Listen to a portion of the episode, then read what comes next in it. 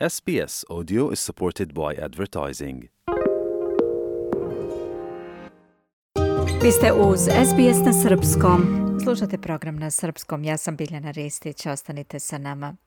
14. februara se obeležava Dan zaljubljenih, odnosno praznik Svetog Valentina. U pravoslavlju također postoji dan posvećen tom svecu, 13. avgust. A 14. februar pravoslavni vernici obeležavaju kao dan Svetog Trifuna, zaštitnika vinograda i vinara. Njih dvojica su bili savremenici i obojica su u trećem veku nove ere umrli propovedajući hrišćansku veru u tada mnogobožačkom rimskom carstvu. Prema predanju, Valentin je bio hrišćanski episkop i mučenik koji je pogubljen u trećem veku naše ere. U 15. veku je dan njegove smrti počeo da se proslavlja kao dan zaljubljenih. Najpoznatije objašnjenje zašto je on postao svetac, odnosno mučenik, jeste da je pogubljen zato što je tajno venčavao vojnike.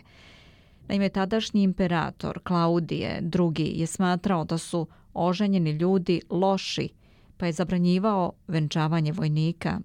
Valentin je i pored zabrane to činio pa je bio uhvaćen, mučen i posečen mačem. Prema nekim drugim mitovima, Valentin, kada je zatočen, zaljubio se u čerku upravnika zatvora. On je na dan svog pogubljenja napisao pismo koje se završava sa Tvoj Valentin. I danas je običaj da se šalju ljubavne poruke koje nisu potpisane, odnosno kao pošaljilac se navodi Your Valentine, Tvoj Valentin. Pravoslavna crkva također obeležava dan Svetog Valentina 13. avgusta. U pravoslavlju malo je drugačije objašnjeno zašto je on ubijen. U Ohridskom prologu vladike Nikolaja Velimirovića se navodi da je Sveti Valentin bio episkop u italijanskom gradu Interamni. Kad se razboli sin poznatog filozofa Kratona Herimon to po savjetovanju Frontonovom pozva kraton episkopa Valentina u Rim. Herimon beše sav zgrčen, tako da mu glava beše savijena među kolena. Valentin se zatvori u sobu sa bolesnikom i svu noć provede u molitvi. dan izvede Herimona potpuno zdrava i predade ga ocu. Tada se krsti kraton sa cijelim domom svojim i sa tri učenika svoja. Herimon ostavi dom očev i ode sa Valentinom. U tom se krsti i sin Eparha Rimskog, Evundije. Razjaren zbog ovoga, Eparh uhvati Valentina i posle mučenja poseče ga mačem. Prema verovanju pravoslavne crkve 14. februar slavi se kao dan Svetog Trifuna, zaštitnik vinara i vinograda. To je dan njegove smrti kada je ubijen kao mučenik. Sveti Trifun je rođen u Frigiji, a prema legendi mogao je da isceljuje bolesne. Kada je čerka Gordijana III. duševno obolela, zli duh iz nje je rekao da samo Trifun može da je izleči. Dovedeni su svi Trifuni iz carstva. I jedan od njih je pomogao. Po dolasku cara Trajana mučen je da bi se odrekao vere i na kraju su ga posekli mačem. Prema narodnom običaju Trifun je zaštitnik vinograda i vinove loze, pa ga vinogradari slave kao svog patrona, kaže Đorđe Dragojlović, kancelar vinskog reda za radioteleviziju Ju Eko. To je bio dan kada se prvi put izlazi u vinograd u toku godine, kada se probno odraže nekoliko grančica da se oceni kako je loza prezimila da li je izmrzla, nije izmrzla i tako dalje.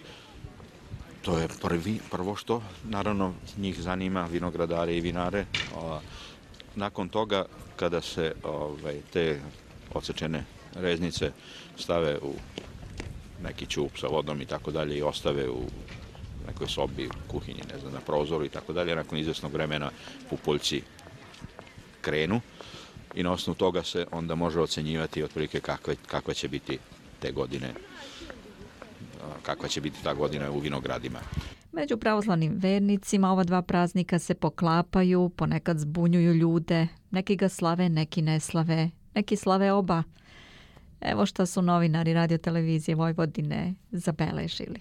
I jedno i drugo. Dobro, što znači da ste zaljubljeni, pretpostavljam? Da. A Svetog Trifona kako obeležavate tada praznika? Pa zato što imam e, Trifona, Sveti Trifona obeležavamo zato što imam e, vinograd, idemo, režemo i tako. Dobro, a ovaj drugi praznik kako ćete obeležiti? Pa sa ženom. Sa lepšom polovinom? Da. Ni jedan ni drugi. Zašto? E, pa prvo ateista sam. Sveti Trifon, ne dan zaljubljen, zato što sam proslavac. A recite mi kako obeležavate taj praznik? krug u porodice. Kad sam bio sa suprugom Creo i izljubili smo se, otišli ona svojim putem, ja svojim i omladino, imajte samo brak koji što imam ja. Bićete sretni u životu i bit će vam sve lepo. Želite da čujete još priča poput ove? Slušajte nas na Apple Podcast, Google Podcast, Spotify ili odakle god slušate podcast.